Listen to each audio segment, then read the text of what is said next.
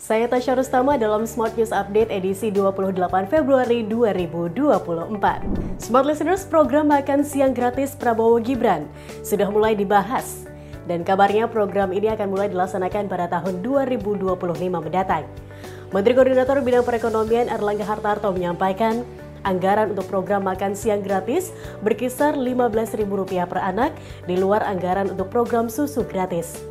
Kemudian ia mengatakan bahwa rencananya besaran anggaran itu akan diterapkan secara merata di semua wilayah di Indonesia.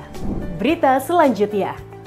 Pemprov DKI Jakarta akan melakukan penataan identitas warga dengan menonaktifkan 94.000 KTP warga Jakarta.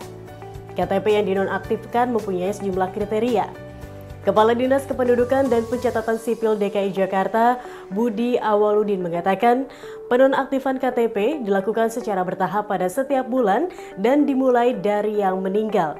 Setelah itu dilakukan kepada warga yang sudah tinggal di luar Jakarta tetapi masih tertera di KTP. Berita terakhir. Badan Pangan Nasional mengatakan pemerintah tengah mempersiapkan impor beras tambahan sebesar 1,6 juta ton untuk mengatasi stok cadangan beras pemerintah yang dikelola di Bulog. Kepala Bappenas Arief Prasetyo Adi mengatakan bahwa pemerintah sudah memiliki kuota impor 2 juta ton beras untuk stok CBP. Dari kuota 2 juta ton tersebut, realisasi impor beras yang sudah masuk baru mencapai 500 ribu ton.